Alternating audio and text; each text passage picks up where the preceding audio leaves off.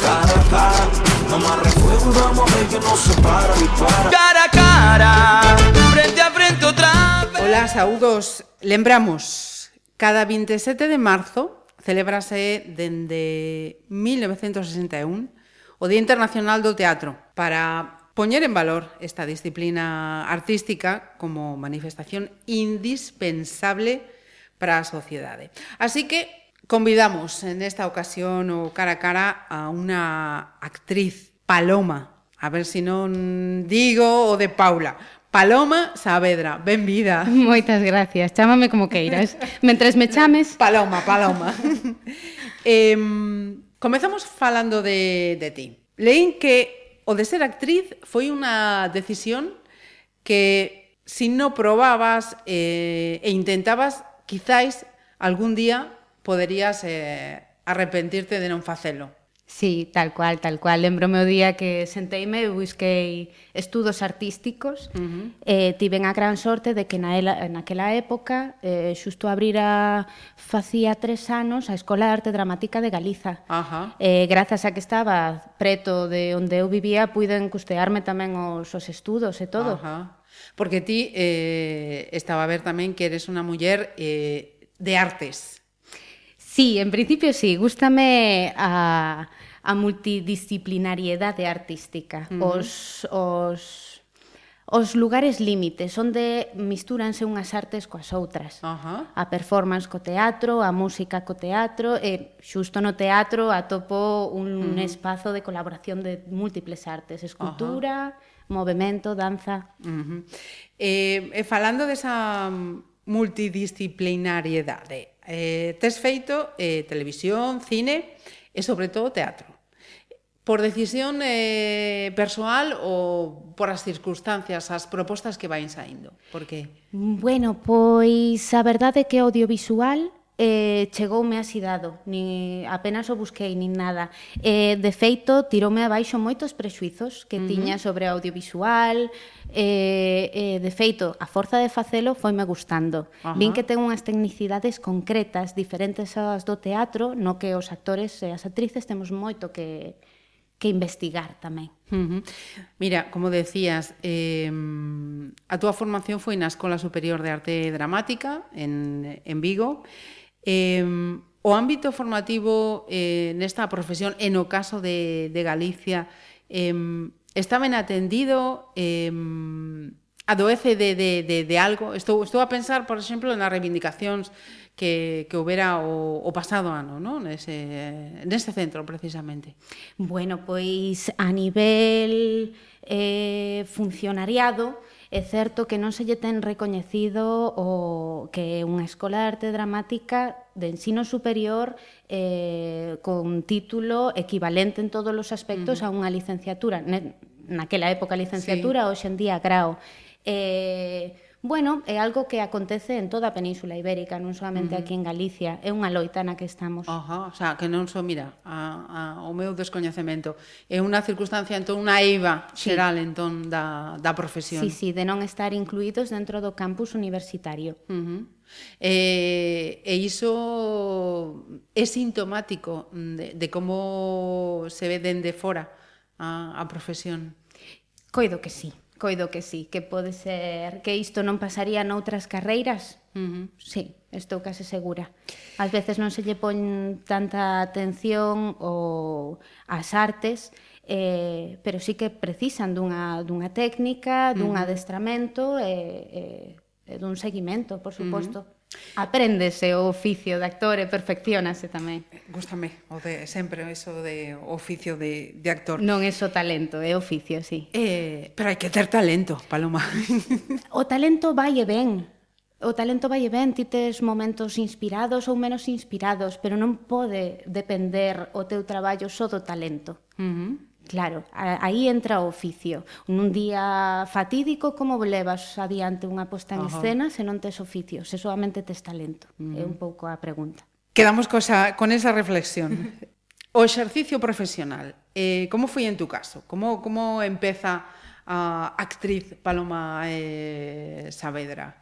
Pois primeiro, eh, o entrar na Escola de Arte Dramático puideme poñer en contacto con outros creadores. Uh -huh. Iso é o bo de ter un centro localizado concreto, porque aparte de ser un habano de todas as posibilidades que tes dentro da, do teatro, que é un universo infinito, uh -huh. dentro do teatro textual ou musical, o, o textual, que é no meu caso, eh, entras en contacto con, con outros creadores e dai empezas a xurdir proxectos ou que dinamiza a propia escola ou que se ponen uh -huh. eh, en valor co, entre os propios compañeiros. Uh -huh. eh, mira, eh, outra das eh, facetas no, no teu traballo eh, actualmente eh, tamén está co teatro amateur e dirección. E aquí mm, preguntaba polo caso de Abelaíña Teatro, ¿no? Contanos, como, como te achegas, eh, como esa experiencia...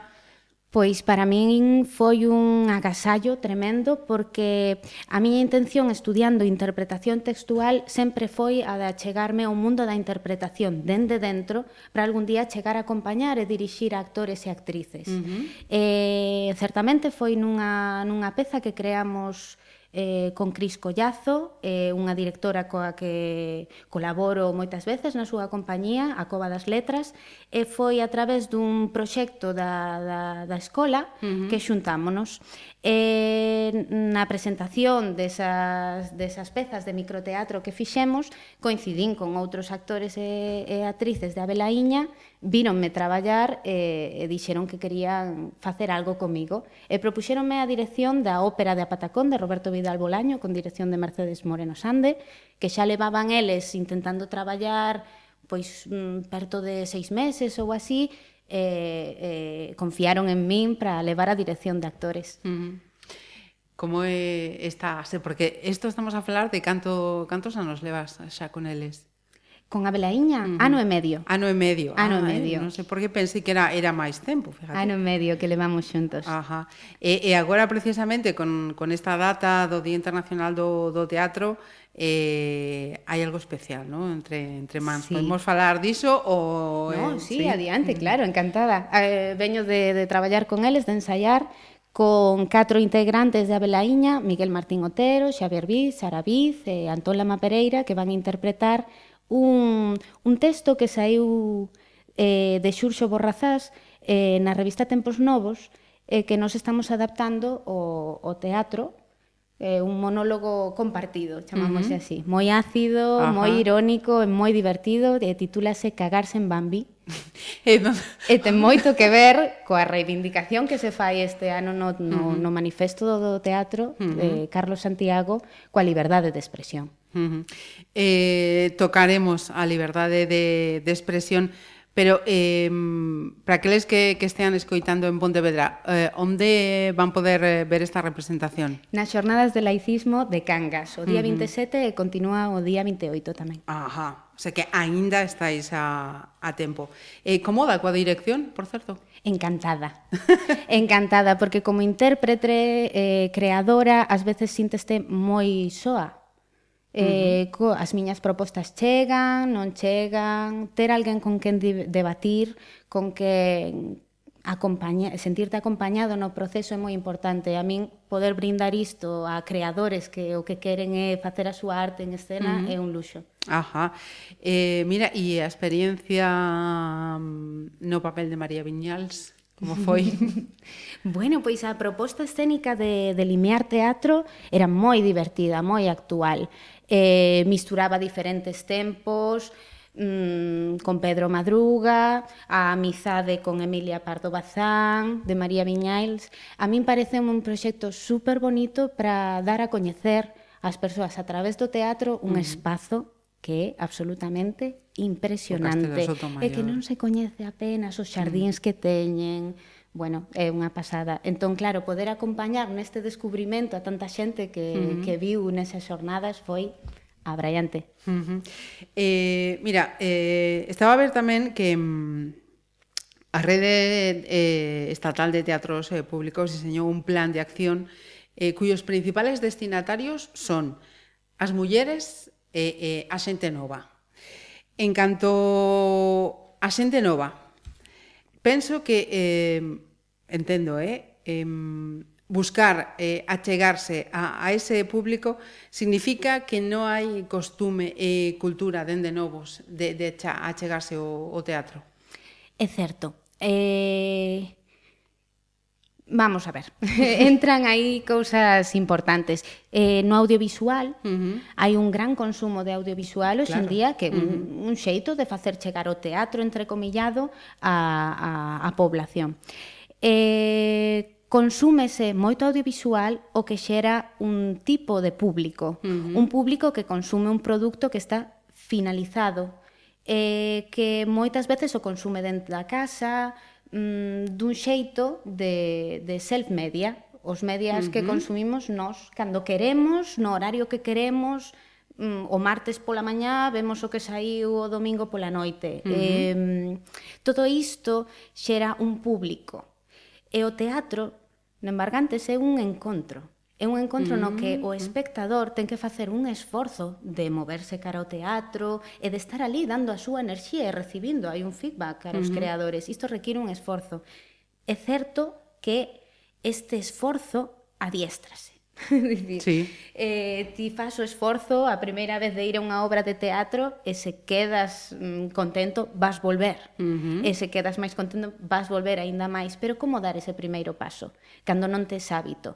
Eh, por iso a importancia das unidades pedagóxicas no, no, nos institutos no. e nos colexios, de levar uh -huh. os nenos ao teatro para empezar a utilizar esa mirada como a espectador. Uh -huh. Claro, cun, cunha ollada crítica que é o que a arte propón Xapón. Uh -huh. Sí. Eh, eh, as mulleres, a outra parte desa, dese, dese plan, eh, visibilizar a, as mulleres.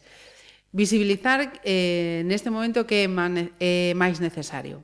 Sobre o escenario ou sobre esas outras eh, partes, responsabilidades eh, que están fora da, da estea. É dicir, pois, por exemplo, que falábamos a dirección, a parte técnica, Que, que é máis necesario neste momento? Bueno, mm, creo que algo que dase e poderías estender cara a vida uh -huh. en común. Mesmo as labores do fogar non se visibilizan. Uh -huh. Entón, é algo que ten que estar dende a escena como detrás da escena e máis cando creo que ronda un 65% das traballadoras mm, do, do sector audiovisual mulleres, 65, uh -huh. 70% que, que copamos o medio profesional. Uh -huh. Entón, é algo de sociedade que abrangue a todos os campos e a todos os niveis. Non se visibiliza, non se coñecen os nomes propios das mulleres. Uh -huh. Apenas se lle poñen cara moitas veces.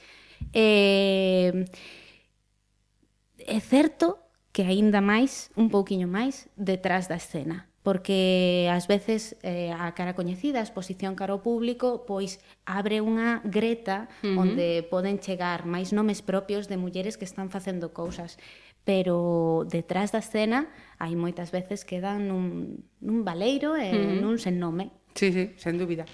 Eh, máis cousiñas que estaba que estaba a ver en relación ao, ao, ao teatro. Eh, musicais, comedias eh, monólogos de humor capitalizan a maioría do público que, que vai aos, aos teatros. Que conclusión podemos extraer deste, desta circunstancia? Unha que consumimos cultura como entretenimento. Eh, a cultura non é solamente entretenimento. Eh, pero moitas veces, polos problemas do día a día, o que queremos é algo que nos evada disto, do noso día a día. Ainda así, teño que dicir que non penso que o público este cansada do drama. Uh -huh. Non penso que o público non queira ver eh, textos con profundidade, eh, con conciencia política ou social. Penso que o ton no que se di ten que mudar. Uh -huh. eh, o, a frivolidade é un xeito a ironía mm, son xeitos moi depurados que esconden grandes traxedias detrás, pero que fanola chegar con outro cheiro, por así mm, dicilo. Mm, sí, sí, sí, sí. E aí é cando os creadores de escena temos que facer atractivo un produto Uh -huh. falando do que falemos, mesmo se, falemos, se facemos traxedia clásica, que eu son unha enamorada absoluta da traxedia uh -huh. grega, pero eh, que punto precisa o público de hoxe, o espectador de hoxe, para consumir este, este tipo de, uh -huh. de teatro, de cultura? Ajá. Porque eh, falabas antes dese manifesto co Día eh, Internacional do, do Teatro eh, falando da, do pensamento crítico, da liberdade de, de expresión. Eh, estamos eh, alonsados en, en este momento e un pouco enlazando co que estábamos a falar agora, ¿no? eh, desa máxima de, de que é eh, o teatro un medio facilitador precisamente do pensamento crítico polo, polo que se está a consumir. O teatro mantén aínda esa, ese, ese elemento de, de pensamento crítico. Eh, o teatro está... A ver, non é que o teatro estea en crise, uh -huh. pero sí os, os espazos teatrais. Ajá. A ver, vou así dicilo. Eh, entón, Mm, vale, volvendo á pregunta. No, as artes en xeral, o, a educación humanista, o que propón é a mirada crítica, uh -huh. nunha búsqueda científica tamén, eh, nunha búsqueda filosófica lóxica. Entón, eh, se non adiestramos este pensamento crítico, e as artes fan moitas veces isto, eh, care, eh, pensamos que o que nos dan é o que temos que consumir. Pensamos que o sitio no que estamos é onde temos que estar. Cando se comeza a cultivar a arte, tanto producindoa como consumíndoa, comeza esta reflexión. Uh -huh de, de pensamento crítico e pensamento libre humanista. Por iso moitas veces dice que a arte é libre, a comedia é libre, pode ser rir de todo, todas as cousas. Vivimos nun momento onde o políticamente correcto está moi presente, tamén porque vivimos nun mundo moi social onde o individual uh -huh. quedou rezagado á nosa casa, uh -huh. e os ambientes máis íntimos. Entón, aínda non sabemos como tratar temas en sociedade. Uh -huh. E todo isto ven grazas a, a internet. Pero penso que é algo moi positivo esta reflexión que estamos tendo todos eh, sobre nos mesmos de vou recolocar as miñas ideas, os meus prexuizos sociais e todo, e voume dar aos outros comunicándome cos outros. Uh -huh. Pero eh, penso, eh, tamén é unha reflexión en, en voz alta, que quizá esa parte eh, creativa sí que ten moi presente ese obxectivo crítico de fomentar o pensamento crítico. Mm. O problema, eh, penso que está a, na, na outra parte, no? No, no público, no, na crítica, que temos a pel moi finiña agora mesmo. Mm, bueno, tamén eh, no tema do feminismo, uh -huh. en canto ao feminismo, eh, temos a pel moi fina e menos mal.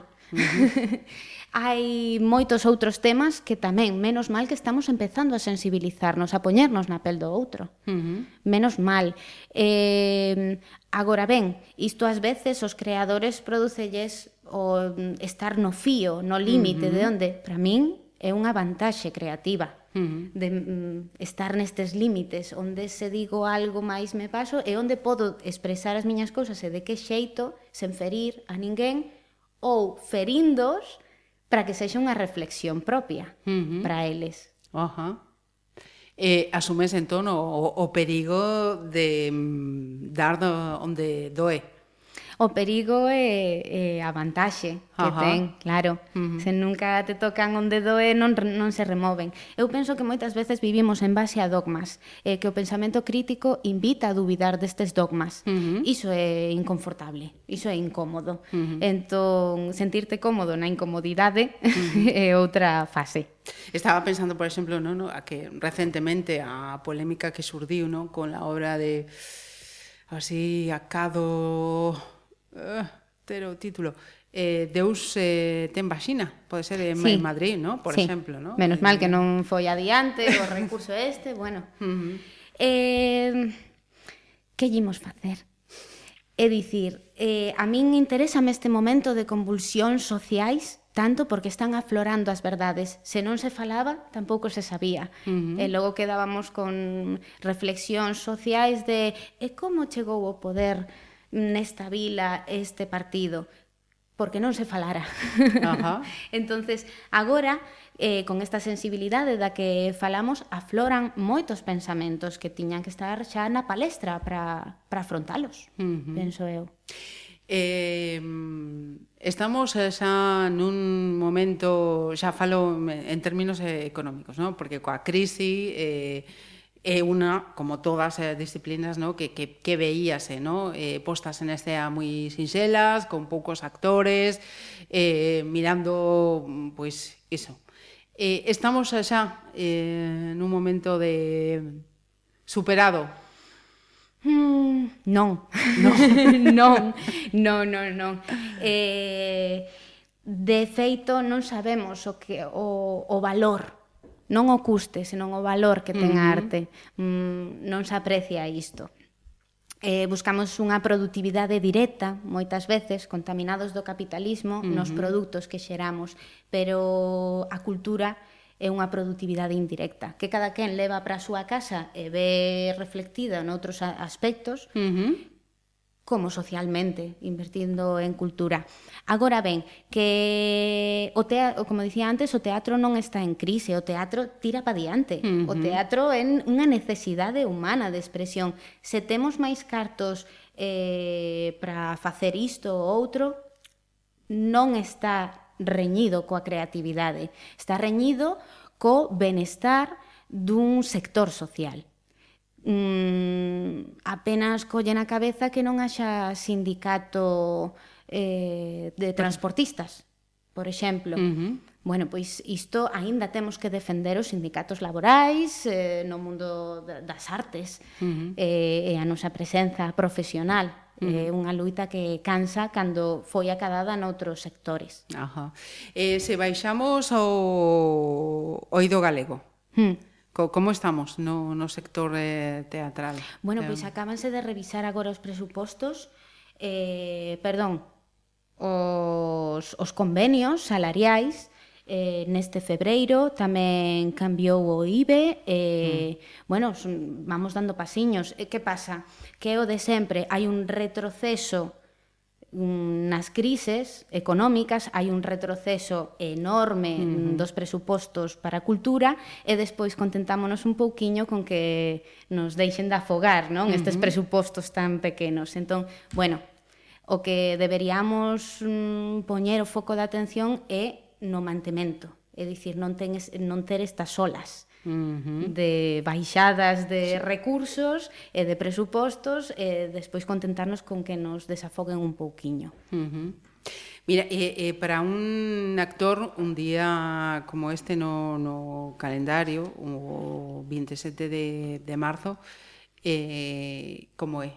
É algo que xa pois, eh, agora mesmo os 365 días do ano ten algún... É curioso, porque é, adoita ser un día de traballo. Ben. Adoita ser un día de traballo, cando noutros ah. sectores é un día de, de festa. festa. Pero claro, nós traballamos cando para facer a festa, por así uh -huh. decilo, polo entretemento. Eh, bueno, A ver, eh, o manifesto que fixo Carlos Santiago precisamente pon o punto de atención na liberdade eh, en, na expresión libre do pensamento porque hai hai cuestiones que, que estánse tendo que, que son dictatoriais. Uh -huh. Falamos dun momento moi crítico non que dicir a túa expresión sen ferir os pensamentos de ninguén pode estar penado. Uh -huh. Sí, sí. Xa non falamos de ter unha acción, senón simplemente de dar a túa opinión que podemos dicir? Vamos ben.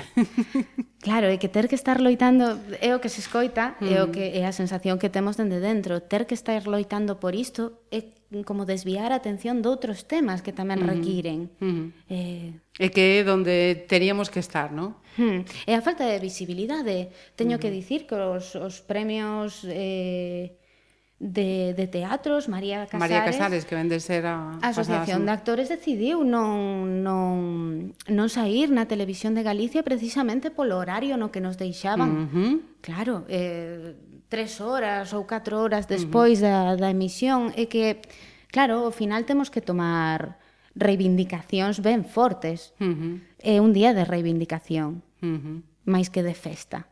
Uh -huh. E, eh, e voltando, eh, para pechar como comezábamos, eh, falando de, de Paloma, eh, como está o, o calendario neste 2019? Pois eh, mañá mm, vou gravar, vou comezar a gravar un videoclip para Rodrigo Ramos, eh, Guadi Galego. Estou uh -huh. moi ilusionada, é un proxecto moi lindo. E E, e comezamos con cousiñas. Eu adoito mm, colaborar tamén cunha produtora de Santiago de nova creación, de reivindicación feminista e femenina, Corentena Producións, e imos estrenar dentro de pouco unha curta, As Mulleres Salvaxes, uh -huh. que gravamos eh, tamén xa metidas noutro proxecto audiovisual e en principio marcho outra vez para Francia que é onde continúa a formación neste uh -huh. si sí, a min interésame moito a pedagogía teatral Por iso de levar o teatro á vida da xente, se, eh, verlle a productividade uh -huh. social que ten, eh, continuo formándome como pedagoga. Entón, atopei en Francia esta, a rama que máis me gustaba de exploración vocal e... Uh -huh. E, eso por agora do teatro. Ajá. Se non sigo na dirección. pois eh, foi unha boa recomendación eh, quen dixo chamemos a Paloma Saavedra. Para falar de, de teatro. Moitas gracias. Un placer. Igualmente, moitas gracias por convidarme, un placer.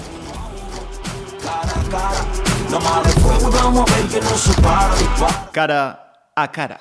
Pontevedra Viva Radio. Oh.